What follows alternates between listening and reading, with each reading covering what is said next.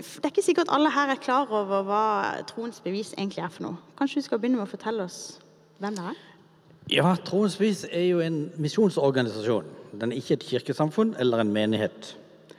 Og det var min pappa og min mamma som starta den etter å ha funnet troen sjøl på 60-tallet. Og min søster Tove, som er liksom den eldste søstera mi, hun var vel litt sånn grunnen til alt dette skjedde, da.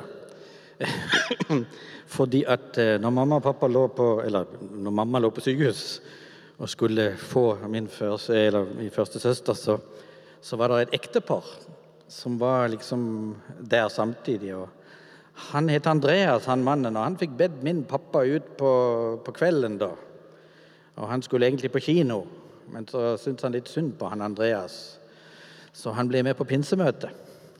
Og der eh, ble pappa eh, liksom tent og fikk en tro, og fikk da et kall, som han sa, eh, seinere, handla om å gå ut og fortelle budskapet om Jesus til unådde folkeslag rundt hele jorda. Noe som nok var litt stort og mye, for han hadde vel seks uker på noe som heter Framhaldsskolen, og så hoppet han ut vinduet, og så kom han aldri igjen. Så han hadde vel ikke de beste forutsetningene for det. Så, eh, men det starta sånn. Eh, og det begynte med at eh, vi begynte å underholde ti misjonærer i Brasil. Og dette begynte å vokse på seg, og min far reiste rundt og holdt møter på forskjellige steder, spesielt på sør.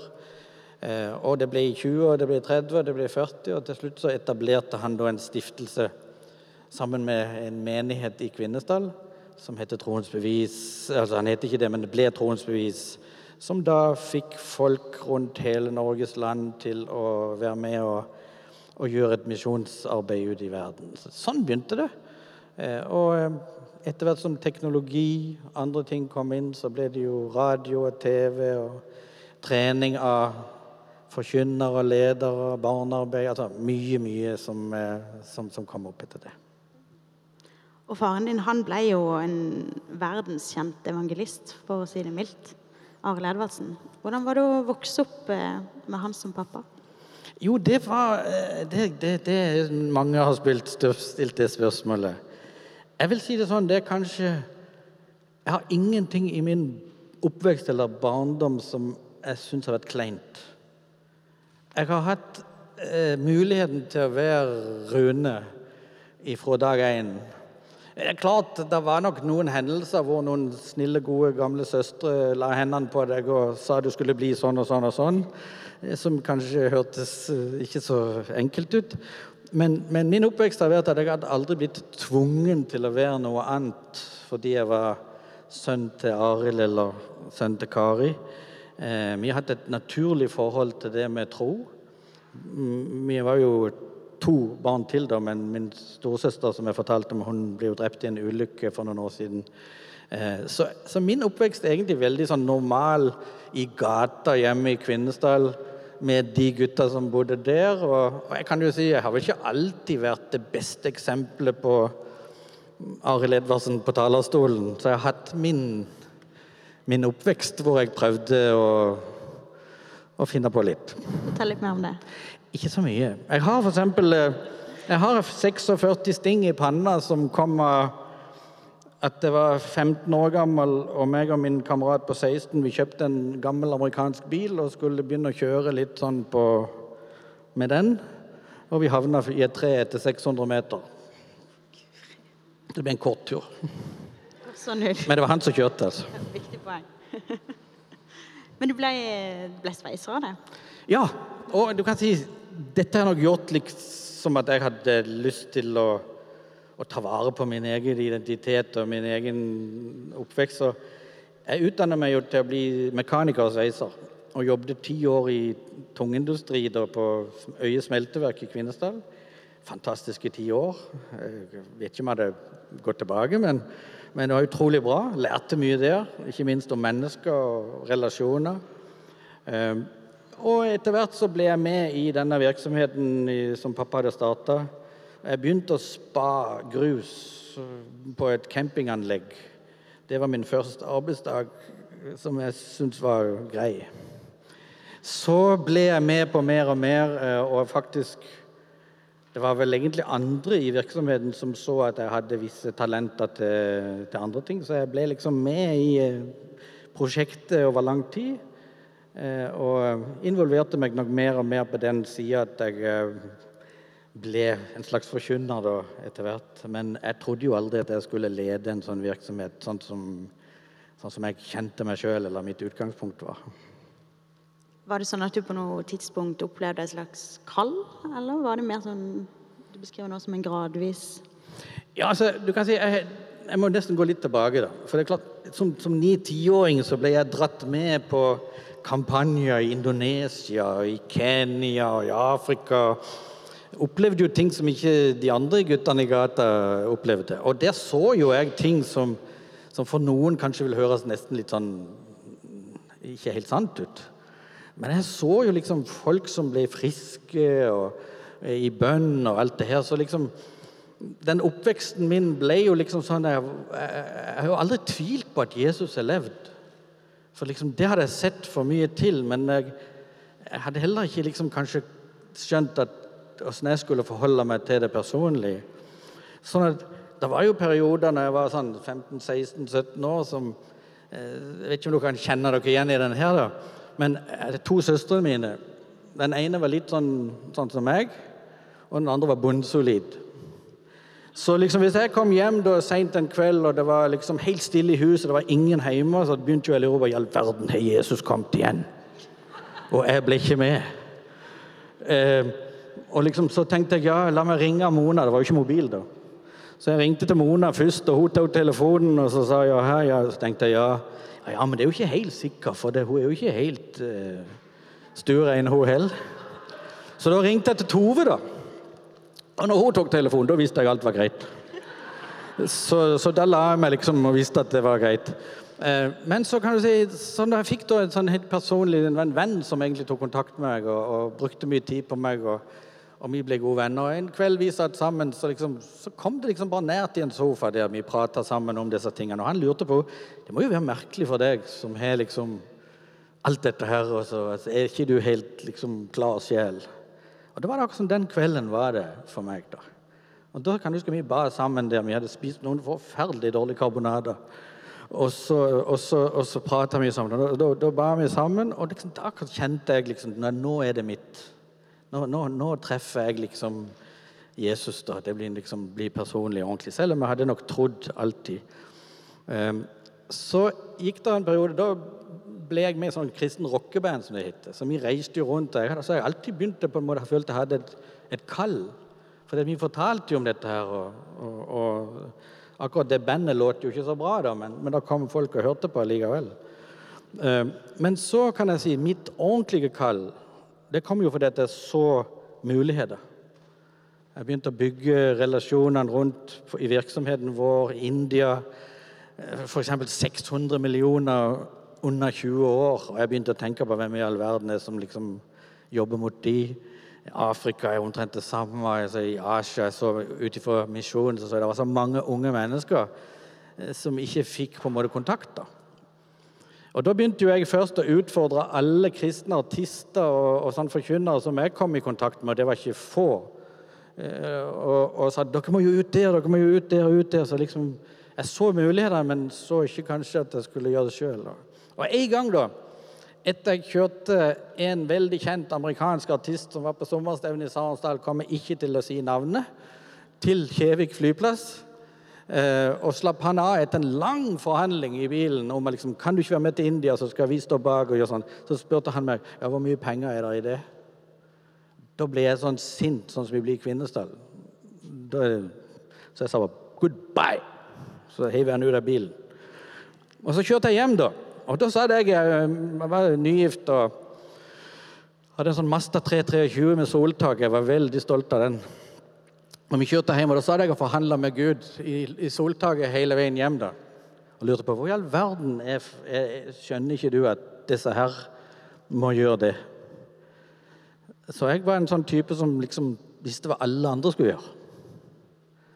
Og så var det liksom et sted på veien hjem da, så er det akkurat som jeg følte noe som sa til meg Du, Rune Edvardsen, hvem er du? Her sitter du og forlanger og forteller hva alle andre skal gjøre. Hvorfor gjør du det ikke sjøl? Og der møtte jeg meg sjøl litt, da. Og så kan du si, Jeg var jo sveiser og mekaniker, nettopp begynt i Troens Bevis. Jeg hadde ikke fått mer enn to brev før på min pult. Jeg hadde fått skrivepult. Og når jeg kom hjem 45 minutter senere, da, så ligger det et brev på min skrivepult. Der sto 'Reverend Rune Edvardsen', altså pastor Rune Edvardsen. Og jeg fikk jo latterankamp. Pastor! Og jeg gikk inn til en bibelskolelærer som hadde kontor på siden, og han lo jo enda mer. Så du kan liksom tenke deg settingen, ikke sant? Og, eh, og der åpner jeg det brevet, og så står det Rune Edvardsen, vil du komme og hjelpe oss å nå unge mennesker i Pakistan? Og jeg tenkte Pakistan. Muslimer. Kuler og krutt. Livsfarlig. Kunne ikke ha vært Lista? Er du med? Men du vet, jeg, sa jo ja, jeg, vet du. Så gikk det et år. og skal jeg fortelle deg hvordan det endte. da. Det gikk det ett år, og jeg kom til Pakistan. Jeg hadde med meg tre musikere, og vi hadde en stor stadion der som var sånn murstadion med sånn 3000-5000 mennesker på. Det heter Gaddafi stadion, bare for å si det sånn. Eh, Og vi skulle spille der, og jeg skulle preke. da. Og jeg hadde jo en far som var fantastisk god å tale. Så jeg gikk jo bare stjal fem av hans sine beste taler. De nappa jeg ut av kartoteket hans. Jeg hadde jo hørt de tusen ganger før òg, så jeg visste jo hva jeg skulle si. Så det var ikke noe problem. Men vi spilte det, og det gikk én sang, så begynte 200 å slåss. Så det var åpningslovsangen i, i kampanjen. Eh, og til slutt så spiller vi konsert, og så skal jeg stå og tale, da. Men du vet, etter fem minutter så hadde jeg brukt alle talene. Så jeg sto der helt tom på scenen og visste ikke hva jeg skulle si. Og der når jeg står der og liksom lurer på hva nå kom tankene til meg ja, Du hører jo ikke til her, du er jo sveiser og mekaniker, du har ikke peiling på det der nå har du brukt opp masse penger. Er det, det, kom deg hjem. Det var tanken som sto. Så kom liksom beina begynte å skjelve, og det var helt forferdelig. Men så kom det til meg. Hva er det du kan, da? Og Da fant jeg ut at jeg skulle fortelle min egen historie om, om min Jesus, min bestevenn. Så jeg begynte å fortelle det om Jesus. Jeg sa ikke Jesus, for jeg var redd for at jeg skulle få ei kule i hodet. da. Så jeg begynte å fortelle om min bestevenn og forhold, og liksom la ut veldig. og Så til slutt så sa jeg min bestevenn er Jesus, og så hørte jeg uh, i forsamlinga. Og da tenkte jeg i verden, var det farlig, eller var det sånn? Men jeg prøvde meg litt til, så jeg tror jeg holdt en tale på tolv minutter. Ikke verst. Og til slutt så sier jeg da Dere som vil ha en sånn bestevenn som Jesus er for meg, kom her, og så skal vi be sammen. Så kom det 2100 unge pakistanske ungdom, de fleste var muslimer, som kom og ville ta imot Jesus. Og liksom, Da skjønte jeg for den dagen at du, kan, du, du, du må iallfall ikke kopiere noen for det du ikke er god til. Så jeg har på en måte tatt det som et kall. At jeg forteller min historie, min opplevelse, mitt vitnesbyrd. Og så har jo på en måte kallet blitt bekrefta flere ganger seinere. Hva er det som gjør at du tror at det du tror på, er sant, og at din vei er riktig? Den som kunne svare helt 100% sikker på det, han tror ikke engang. Han vet. Så det handler om tro. Og du kan si i min egen Hva skal jeg si Hele min eh, ja, både personlighet, vil jeg si, i det som på en måte jeg ønsker og liker og smaker på alt, så, så kan jeg liksom ikke komme utenom at identiteten min er at jeg har et forhold til Jesus som min personlige venn, frelser, kall det hva som helst. Jeg føler jeg, jeg er kobla inn i, i det hele min personlighet og identitet. Eh, ikke at jeg er så heldig som han, for det er jeg overhodet ikke. Eh, jeg gjør mange feil, og mange som kan sette fingeren på, på, på, på mine ting. Men, men jeg har fått, funnet den der tryggheten som, som du, du klarer ikke ta den bort. Altså, uansett nesten hva folk hadde sagt, så hadde jeg visst at det var mitt og helt sant. Og at jeg trenger ikke være god nok fordi jeg er god nok. Jeg har liksom funnet den der ja, En plass jeg kan sette meg ned og si her er det i hvert fall OK å være. Du har akkurat deltatt på Vestfront-møtet og snakka om misjon. Og snakka om det er greit å gjøre alle folkeslag til disipler. Hva er på en måte faresonene når dere driver med det dere driver når dere driver med misjon? Hva er det du er obs på og tenker på idet dere går inn i de situasjonene som dere gjør? Altså, hvis du på en måte sier ting du ikke kan stå inne for, hvis du bruker budskap om noe som er så fryktelig mye bedre, til å oppnå noe sjøl, så, så, er du jo i faresona med en gang. Da er det jo ikke, det det ikke evangeliet du forkynner. Men, men så lenge du holder deg til kjernen i evangeliet, som handler om å gi, ikke sant? gå den ekstra mila, eh, elsker din fiende Altså de der tingene som er fryktelig vanskelig å holde seg til. Hvis du klarer, hvis du klarer å holde det som kjernen i evangeliet, så, så er det bare godt. Men så, så liksom det å seg så nær de Jesu gjerningene og det som både han står for, som mulig, så har det jo blitt sånn at noen pakker dette her inn i litt i kultur, litt i tanke, litt i politikk, litt i 'sånn gjør vi'. Eh, det er utfordringer hele tida. Eh, men så er det jo litt bra da for oss som, som jobber i mange, mange land, gjennom nasjonale så det er ikke, den, det er ikke Runes kultur som kommer til India og påvirker India. Det er ikke Runes kultur eller oppvekst eller meninger som, som pågår i, i Vietnam. Altså, det er jo de som kjenner sitt folk, de som lever der, de som vet alle disse tingene. Det er jo de vi gir en, en hjelp til å, å, stå i sitt eget land og i sine egne kulturer. Da. Så kom jo jeg med den store arrangementet av og til og kampanjer og, og syns det er veldig fint.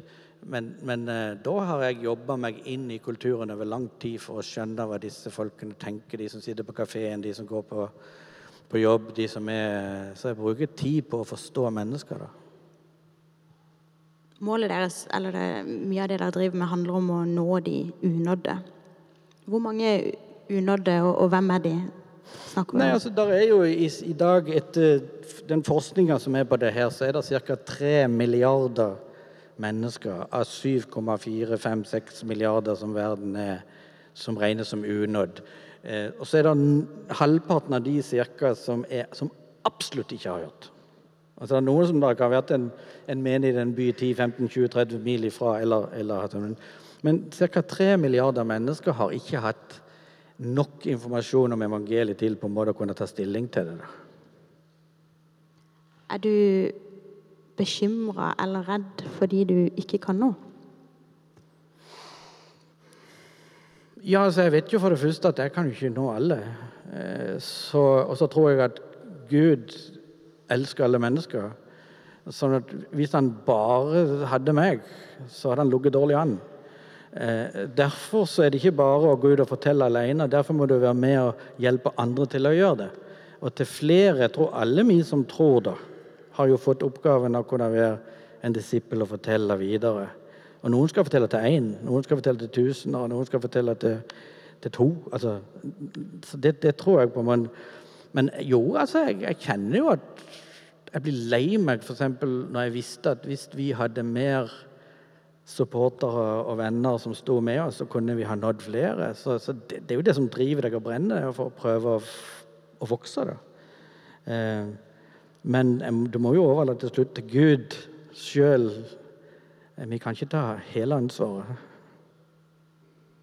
Men dere satser jo på misjon i en tid hvor mange norske misjonsorganisasjoner sliter. Hva gjør dere annerledes, tror du, eller hva gjør at du har troa på det dere driver med?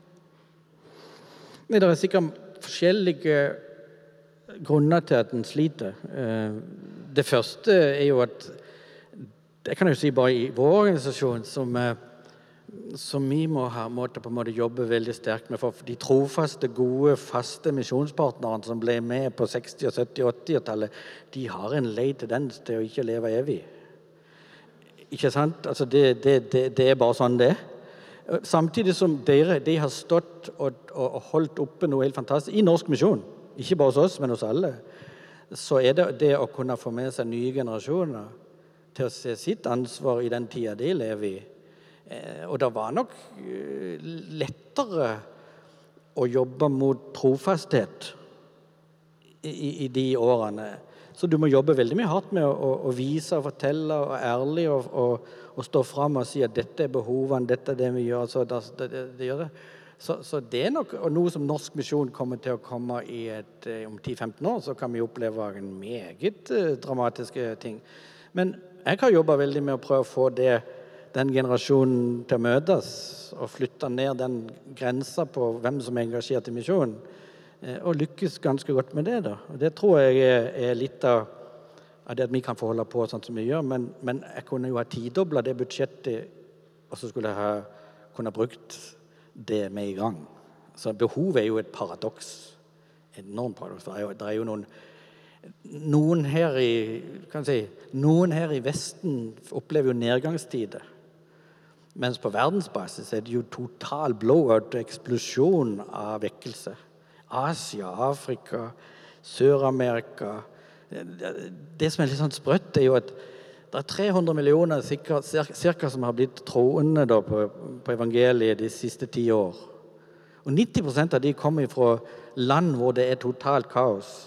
Hvor det er liksom etter norsk system feil styre, feil tanke, feil holdning, feil Så det er merkelig at vi som har det best, er de som mister flest.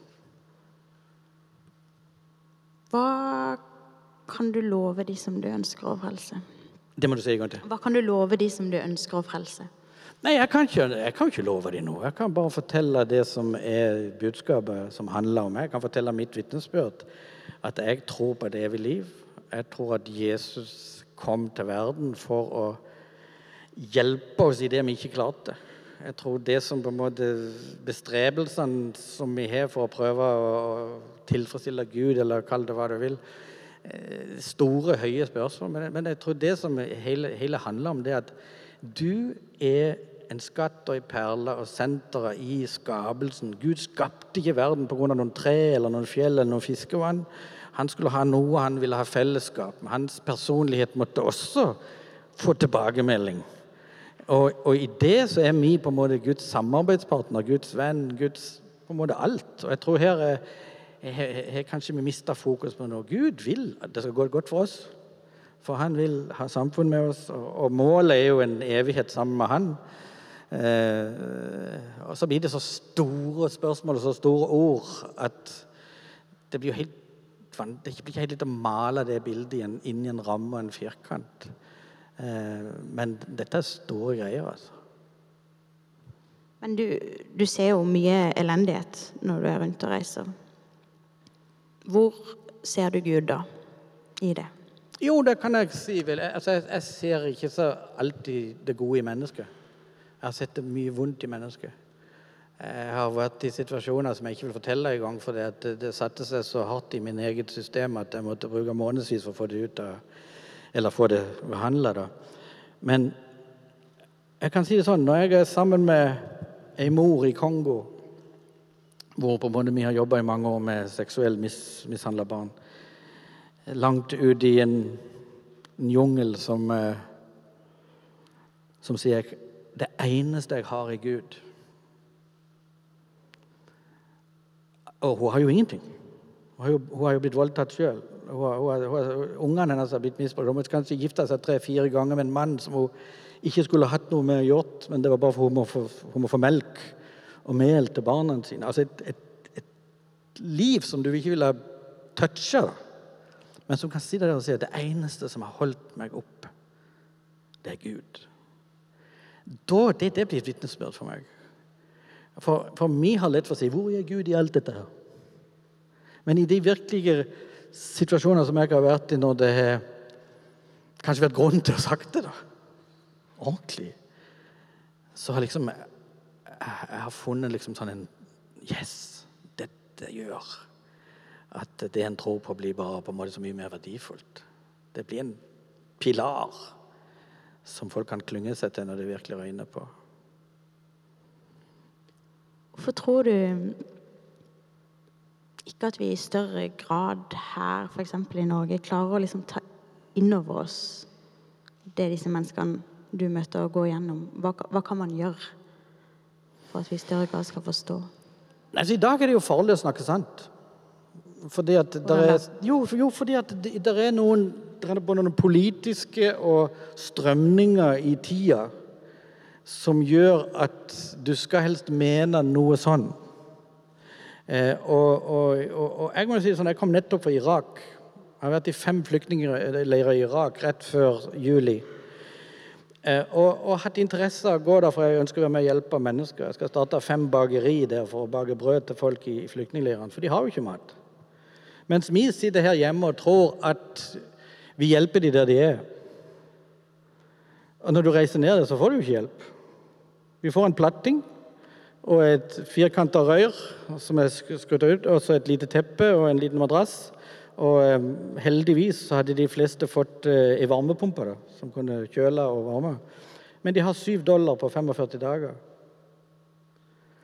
Og gå i leirene der sammen med jesidi-folket, som spesielt ble veldig hardt berørt av ISIL eh, Gjør sterke inntrykk. Og Jeg må si det, jeg kom hjem derfor. Jeg har så mange historier jeg kunne fortalt her, men nå skal jeg ikke gjøre dette til noe noe sånn politisk greier. Men jeg kom hjem med gråt i hjertet mitt. Altså, det er en stor løgn som fortelles. For disse folkene har ikke fått hjelp. De har fått noe mat, noe vann, noen rasjoner. De har ingen framtid, de har ingen mål. Eh, I en leir på 3000 jasidier så var det mellom 18 og 20 unge jenter som tok livet sitt hver måned. De vet ingenting hva de skal hen, hvor de skal. på en måte. Så, så, så jeg tror det er viktig å forstå ved å sette interesse i å vite hva som er sannhet. For det det er en utrolig propaganda på fattigdom kontra den rike verden som er blank løgn. Det er sterke ord, men for meg så er det blank løgn. Det ble jo et himla oppstyr for å si det sånn, da det for noen år siden eh, ble kjent at du hadde stemt på Arbeiderpartiet. og vi snakka så vidt om det bak her i sakristi i stad, og jeg tenker på det Hva tror du gjør at hva, hva, tenk, hva, tror du er grunnen til at folk bryr, det, bryr seg så innmari mye om hva kristenledere stemmer og ikke stemmer, i stedet for nettopp det du snakker om nå, da? Nei, Det er jo et kjempegodt spørsmål, men det blir vel lokalnyheter i forhold til verdensnyheter. Så jeg kan huske den der, spesielt den, den uka som jeg ble ganske ofte sitert i dagen. da. Jeg ble jo kalt Røde Rune. Jeg er jo så bleik som bare det. Um, så hadde jeg akkurat kommet hjem. Jeg tror det var 30 000 mennesker som hadde blitt troende på en kampanje som jeg hadde ute i India om jeg hadde starta 25 nye forsamlinger den uka. Men det var ikke interessant. Men det var veldig interessant at jeg hadde stilt opp et bilde med noen andre. og litt sånn. Nå kan jeg jo si det sånn at jeg fikk jo veldig mye støtte òg, da. Eh, men jeg stakk nesa litt fram og lærte vel litt at nesa kanskje av og til kunne være litt lenger inne. Men det er jo veldig mange som er opptatt av at liksom, religion og politikk skal ikke blandes. ikke sant? Og I Sarensdal har jo dere hatt, eh, dere har hatt eh, politikere på besøk, og det har jo som regel blitt oppstyr hver gang enten de har fått komme eller ikke komme. Eh, hva, hva tenker, hvorfor tror du det er viktig at, at også kristne engasjerer seg politisk, og, og, hva er på en måte, hvorfor er dette så vanskelig for noen, tror du? Jo, jeg tror det er veldig viktig. Du kan se f.eks. Sør-Amerika kan du se på kanskje den største vekkelse som noen gang har vært, vi kaller kristen vekkelse, som har vært, har vært i Sør-Amerika. Det var jo fordi Kirken tok parti for de svake, for de fattige, for urettferdighet. Sto opp imot det som var feil. Og det er klart, når de gjorde det, så var det sikkert ting som ikke de var enige med også. Og det er jo det som blir politikk. Politikk kan du stå opp for noe, men det er alltid et eller annet som du ikke er enig i. Og det partiet som som har bare helt rett, det er jo bare mitt eget parti. Sant? Det er jo bare meg. Eh, så i politikk så tror jeg vi må ha et litt mer åpent syn på å si at det er jo ikke menighet vi driver nå. Vi driver og prøver å påvirke til et totalt samfunn skal på en måte gå i noen retninger. Eh, mens noen har litt vanskelig for å se forskjellen på det. da. Eh, men skal du være med i demokrati, så så kan du ikke bli teokrat. Du må jo være en demokrat hvis du skal være med i et demokrati. Eh, men, men det, det, det, det, tenner nok. Jeg ser sjøl òg når jeg sitter på Facebook av og til, jeg sitter og hopper på stolen og skal bare Nei, ikke skriv det. Så vi er jo sånn. Vi engasjerer oss. Men det er godt at folk engasjerer seg. Hvordan tror du Jesus hadde vært på Facebook? Du, Det har jeg faktisk skrevet en artikkel om. Jeg vet det, da. Jeg bare prøvde å Var det derfor du sa det? Du, jeg tror han hadde hatt en veldig fin Facebook-vegg. Nei, Jeg skal ikke male lenge på den, men jeg tror det hadde vært, eh, det hadde vært et godt budskap, inkluderende budskap. Og jeg tror ikke han hadde tatt stilling imot noen, men for alle, tror jeg på en måte. Og, og ikke minst hadde han sagt du er god nok sånn som du er. Du har jo annet eh, sagt at du tror kanskje at Jesus ville ha gått i pride. At han ville Gått i pride-toget. Ja, altså, jeg er nesten stygt redd for han hadde gjort det, som jeg ikke hadde likt det. Så jeg, jeg, han, han gjorde mye rart, altså. Men i hvor stor grad skal vi prøve å leve livene våre sånn som Jesus, da? Ja, men jeg trenger jo ikke herme etter han i alt, da. Det klarer vi ikke. Men, men jeg kan si, for min del så kan vi si, så, så kan vi si Jesus, han er, vår, er mitt forbilde. Jeg er ikke like tøff som han alltid, for å si det sånn. Og så er det klart at det er ikke alt du kan gjøre bare fordi at du skal prøve å hevde noe som du sjøl har et syn av fritt. For det, er, det kan være ting som du kan hevde eh, liksom som frihet for deg sjøl, som kan ramme andre. da. Ikke sant? Det er folk som kan lide under alkohol eller under det ene og det andre. Du trenger ikke være privat hussfære med alle mennesker. Så jeg tror det handler om en viss respekt. Men Jesus, han, han, han hadde jeg, jeg må si det sånn, Når jeg leser om Jesus når han tok et oppgjør med, med disse herrene fariseerne, da tror jeg det var de, noen av de beste dagene han hadde. For da tror jeg han kunne være litt rampete. Altså, da, da kom det fram noe i Jesus. For det, jeg tror det er der det ligger. Vi er alle like mye verd.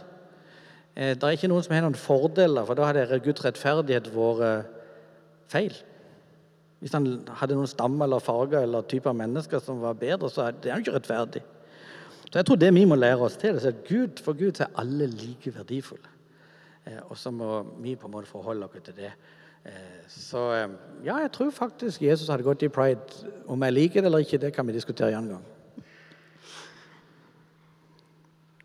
I 2009 så blir to nordmenn pågrepet og mistenkt for drap og spionasje i Kongo. Og du prøvde over lengre tid å få Kjøster Moland og Joshua French ut av fengselet. Det ble mye oppstyr rundt det også. I ettertid har det bl.a. kommet et par bøker som sier og mener litt om din innsats der. Hva kan du si om det i dag? Jo, jeg, klart jeg har veldig mye å si om det, og jeg hadde lyst til å si noe, noe sjøl om det. Eh, men jeg kan si én ting, da. Og det er jo Jeg lærte noe av min pappa. Det er ikke så, er ikke så smart å ta igjen, for det kommer som regel en til. Eh, så ut ifra det kan jeg si at jeg vil si det sånn med den saken der, så var det veldig mye eh, lærerikt. Det var mye flott i den saken, og spesielt med de to guttene og, og involvert. Så var det noen andre ting som, som ble litt vanskelige.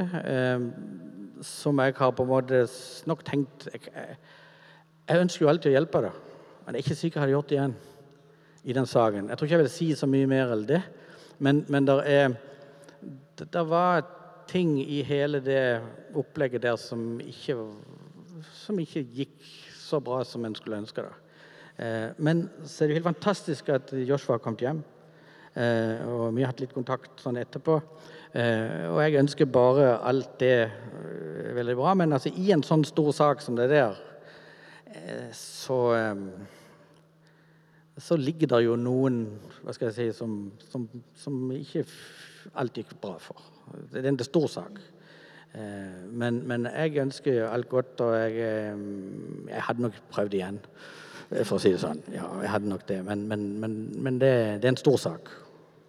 Men det jeg kan kanskje spørre om, er jo For det var jo noen litt fæle anklager som kom da, bl.a. fra Fredrik Resvik. Um, hvordan er det å få høre sånne ting om seg sjøl? Hvordan er du i en sånn situasjon? Jo, da er jeg eh, veldig lei meg, altså. Jeg, jeg kan si Det sånn, det er jo det som, som, kanskje gjør det. og Nå vil ikke jeg begynne en offentlig debatt om den saken, for da sammen jeg kan si sånn at jeg har ikke gjort noe galt i den saken. Jeg har gjort mitt beste. Jeg har til og med blitt trua på livet flere ganger pga. det jeg gjorde. Jeg har tapt personlige penger. Jeg har mye styr som ligger bak det. Eh, men eh, men eh, jo, jeg kom hjem en gang, jeg var i Bergen, og det var et stort oppslag på nyhetene om at et annet som jeg skulle ha brukt et pengebeløp i Kongo for å få de fri. Og satt, jeg var sistemann inn på flyet på Flesland. Jeg tror alle hadde sett det innslaget. Så jeg følte meg veldig liten. Jeg gikk liksom kanossergang gjennom flyet og tilbake til setet. Guttungen min kom hjem og spurte pappa er du ikke ærlig. Han hadde hørt det på skolen. Jo, naboene mine Det var ikke gå på trappa noen dager når du var liksom første Men heldigvis så kom jo alle og sa at du skal, være, skal ikke bry deg om det. Eh, og så gikk jo Stiftelsessynet og litt sånn forskjellig gjennom ting som så gikk jo veldig bra, da. Men, men jeg tror det er sånn stikker du hodet inn i et sånt vepsebøl som det var, eh, så var veldig mange og kjørte deg opp, og så til slutt så kunne de skulle de prøve å ta, ta, ta, igjen på noe. Jeg vet ikke hva det var for noe. Jeg har aldri ikke forstått det helt ennå. Men det, det, er en, det, er en, tung sak eh, som jeg ikke har så lyst til å prate om. Helt greit. Når eh, er du på ditt mest sårbare? Jeg tror jeg liker alle der. Altså skal jeg si på det? Klart med mine nærmeste så er jeg sårbar. Jeg eh, jeg skal jo få ting til å skje. Og mange liksom heier på meg og, og satser på at du skal få ting til å skje. Den der periodefasen ifra at du setter i gang til at det begynner begynner å, å vise seg, er tung, er tøff, er ensom, er Da har du nesten bare deg sjøl altså den der søyla, da som du liksom Nå må det gå greit her. Da, er, da kan jeg være sånn. Og så er jeg, eh, jeg er litt for Jeg blir em, em, em, emosjonelt grepen av ting, da. Og eh, blir, blir, blir, berørt av ting. Det gjør jeg. Ja. Kan du huske sist du gråt? Hæ? Kan du huske sist du gråt? Ja, det kan jeg. Må jeg si det? Kan du fortelle om det? Nei, altså Jeg gråt fordi at Sølvi hadde ikke egg til frokost i campingvogna. Nei, du, altså Jeg, jeg, jeg, jeg gråt uh, Sist jeg gråt sånn trist gråt Jo, det var, det var Irak. Da gråt jeg en god del på kveldene når jeg kom, kom for meg sjøl på, på rommet etter å ha hørt på veldig mye, sett veldig mye. Da gråt jeg. Og jeg er i grunnen glad for at jeg kan gråte. Åssen kobler du ut, da? Hvordan jeg kobler ut? Jeg liker å fiske. Jeg liker å Av og til når jeg er ute og reiser, og jeg reiser veldig mye, så må jeg ha en dag midt oppi alt. For det er veldig mye sånn dun, dun, dun, som jeg rett og slett kan koble ut med å gå og sette meg en plass og se på folk. Som bare går forbi. Så tenker jeg liksom Åssen har den det når han går hjem? Åssen er det hen? Så kan jeg lage meg alle slags historier og bilder om folk, og så Det er det sikkert ikke sant, men jeg kobler litt av med å bare koble ut, da. Og så barnebarna. Det syns jeg er litt hyggelig å være med. Spesielt når du kan levere de litt seinere på kvelden. Har du noe eh, du angrer på i livet ditt? Det har du sikkert, men som du vil dele her, da? Det er jo kanskje jo, det har jeg nok. Jeg har nok flere ting som jeg angrer på, men jeg, kan ikke si jeg har noen sånn veldig store ting som liksom jeg eh, går og tenker på at det skulle jeg aldri gjort. Det tror jeg ikke jeg har. Men jeg har jo noen, noen sånne ting som jeg hadde valgt eller gjort, som jeg kunne vært foruten. Men jeg har ingenting som har bremsa meg opp, da. Ja. Kan du ha på en måte Har gudsbildet ditt har det forandra seg i løpet av livet ditt? på noen måte? Ja, absolutt. Eh, Gud har blitt mer romslig for meg, da. Og spesielt etter jeg begynte å reise ute i, i, andre kulturer med andre menneskers dagligliv. Hvilke, hvilke, hvilke, utfordringer de møter i forhold til mine utfordringer. Eh, så, så, så, og det, bare, det, kan jeg bare si positivt. Kanskje for noen som er veldig konservative, så, har jeg blitt litt litt type liberal, men, men, jeg vil ikke kalle det det i det hele tatt. Jeg har bare sagt at det er mennesker som må gå igjennom ting i sitt daglige liv hvor det vil være feil for meg å si at det skulle du ikke ha gjort. Fordi at min hverdag er ikke sånn. Og så blir bare på gudsbildet større, for Guds nåde er mye større enn min moralske tanke eller oppvekst eller det som jeg lærte hjemme. eller sånn. Eh, så, så mitt, mitt, gudsbilde har nok blitt bare rikere. Eh, og hans nåde og kjærlighet og inkluderingskraft eh, har jeg blitt mer forelska i. da. Det er bedre, bedre bilde, da. Ja. Og det har jeg lært mer for å, å komme ut litt. Tror du på helbredelse? Ja, det gjør jeg. Syns du det er vanskelig noen ganger å tro på helbredelse? Ja. På hvilken måte da? Jo, fordi at jeg har, jeg har selv hatt dette tett innpå livet. Altså, Jeg har faktisk en helbredelseshistorie sjøl. Jeg hadde sånn kalv lepertes, eller hva det heter, en pertesykdom som jeg ble helbreda for som barn. Hofta mi var helt knust, smuldra opp. Eh, og ble helbreda da jeg var fem-seks år gammel. Skulle egentlig ha gått veldig annerledes enn jeg gjør i dag. Så jeg har en egen sånn historie, selv om jeg ikke kan minnes mye av det. Men jeg har vært ute og sett mennesker bli helbreda. Men jeg har et veldig rolig forhold til det. Fordi at jeg har bedt for store forsamlinger hvor folk blir helbreda, men de fleste gjør ikke. Er du med? Altså, Den som du så der hver eneste kveld på i båra, gikk hjem igjen sånn. Så For meg er det ikke noe sånn veldig sånn faktor om at helbredelse er noe sånn voldsomt stort i min forkynnelse. og sånn.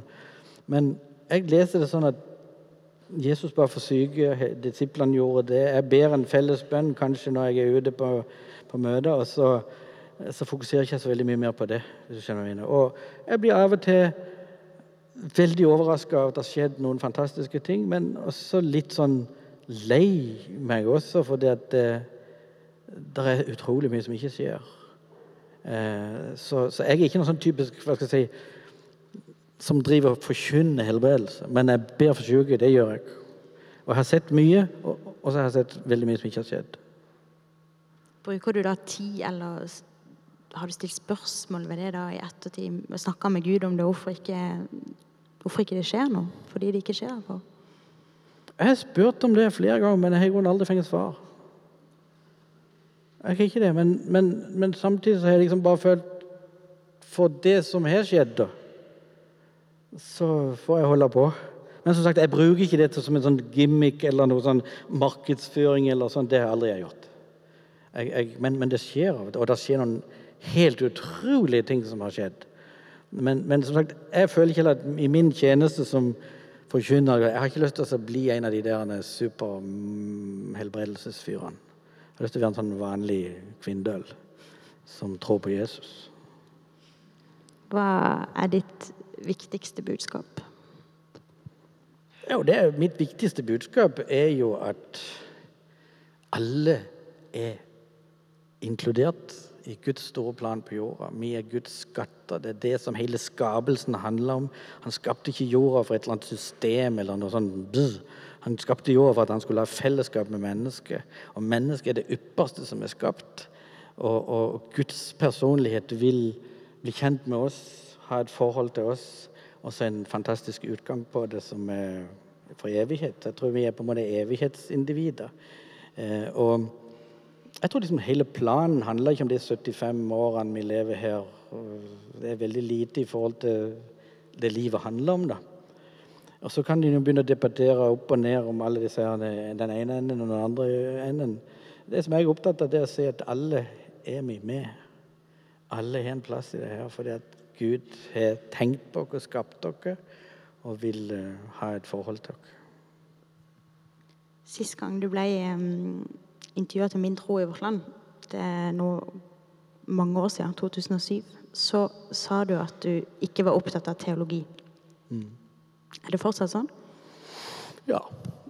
Jeg tror teologi har ødelagt mye.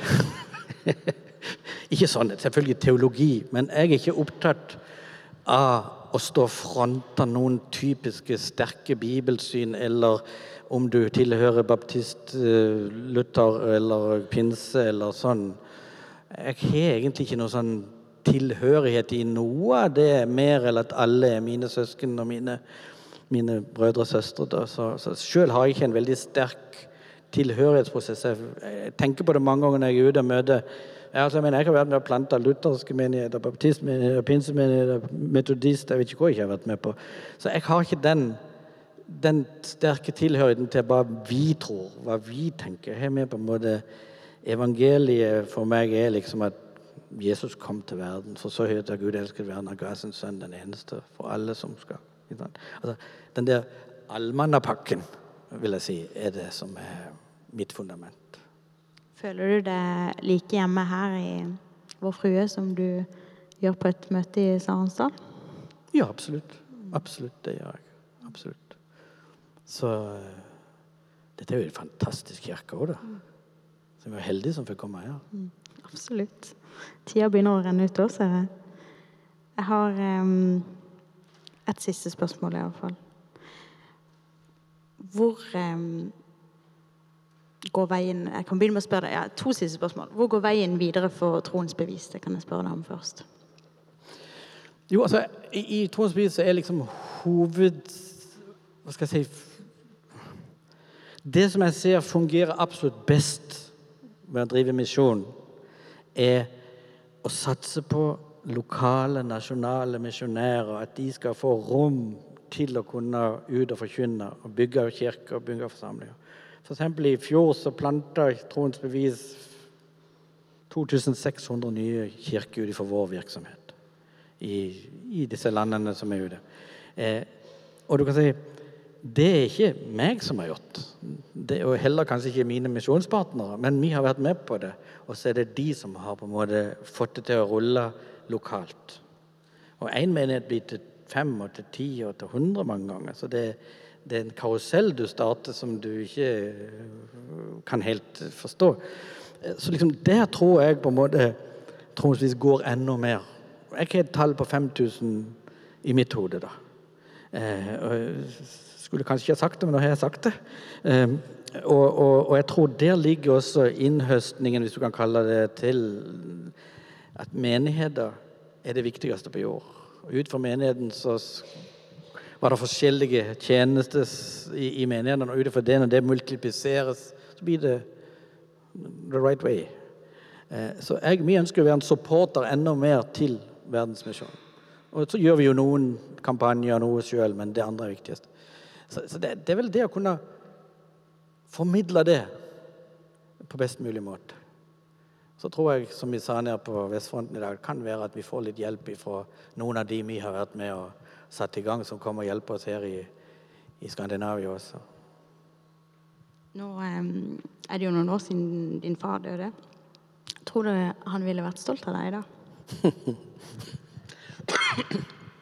jeg tror faktisk det. Jeg har faktisk en sånn følelse noen ganger, da, for jeg kjente jo pappa veldig godt. da. Og jeg så de gangene han var i sitt virkelige ess. Det var jeg ute i India eller i Kongo eller hvor, jeg, hvor vi var for noe. Når han liksom sto der og hadde fortalt hjertet sitt og budskapet sitt, og så liksom kom responsen, og folk kom og ga til kjenne det, og liksom da så jeg han da det, Han hadde ikke bytta det bort med noe, da. Og jeg kan si Noe av den følelsen har jo jeg i de der gode kveldene. og Nå skal du ikke måle suksess på det, men altså, det er jo noen ganger du er med på noe som er helt vanvittig stort. så det er elleve mennesker som kommer og vil altså, Folk tror nesten ikke når du sier det. Så. Men når du liksom står, da har jeg noen gang kikket opp på scenekanten og sier 'Ser du det her?' Og da liksom Da tror jeg han sier 'Yes! Well done'. Skjønner du hva jeg mener? Jeg skjønner. Ja. Veldig fint. Ja. Tusen takk, Rune Elversen, og takk til dere. Tusen hjertelig takk til alle sammen.